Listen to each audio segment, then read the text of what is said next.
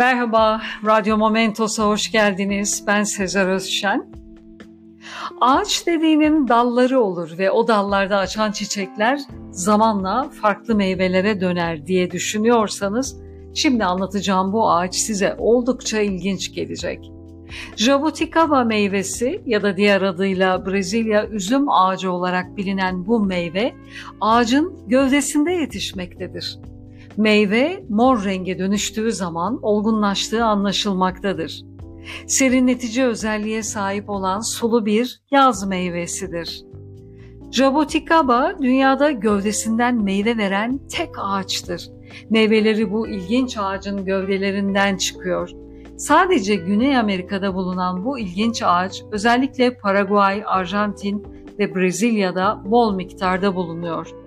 Buna karşın kuzey yarı kürede don olmayan ılıman iklimli bölgelerde de çok sınırlı sayıda da olsa ticari olarak yetiştirilmeye başlanmıştır. Ağacın büyümesi çok yavaş olmasına karşın 12 metreye kadar uzamaktadır. Aşılı ağaçlar 5 yılda meyve vermeye başlarken tohumdan yetişenlerin meyve vermesi 20 yılı bulmaktadır. Bu özelliklerinden dolayı bonsai yapımına da uygun bir ağaçtır. Bitki güneşli ya da yarı güneşli ortamda iyi drenajlı, hafif asidik ve sulu toprakta yetişmekte ve kökleri sığ olduğundan toprağın nemli olması gerekmektedir. Jabuticaba'nın gövdesinde önce mor çiçekler açıyor ve bu çiçekler yavaş yavaş büyüyerek bizim üzüme benzer bir meyveye dönüşüyor. Çilekten biraz daha büyük olan meyveleri uzun süre saklanabiliyor. Her ağaç iki yılda bir meyve veriyor.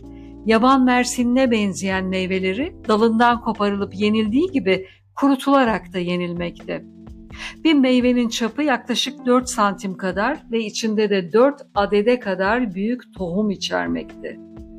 Meyveleri taze olarak ya da konserve, dondurma, şerbet, komposto ve şarap yapılarak tüketiliyormuş. Kaynatılıp içilmesi astıma, dizanteri gibi rahatsızlıklara iyi geldiği gibi bademciklerinde iltihap olanlar tarafından iltihabı hafifletmek için kullanılmakta. Meyvede çeşitli antikanser bileşeni mevcut olduğu gibi fosfor, demir, niyasin, C vitamini, B vitamini barındırmaktaymış. Özellikle içerisinde demir bileşeni oldukça fazla olduğundan ve bundan dolayı yetiştiği yerlerde özellikle hamile kadınlar tarafından sıklıkla tüketilmektedir diyor yazıda. Dışında siyah bir kabuk bulunmakta.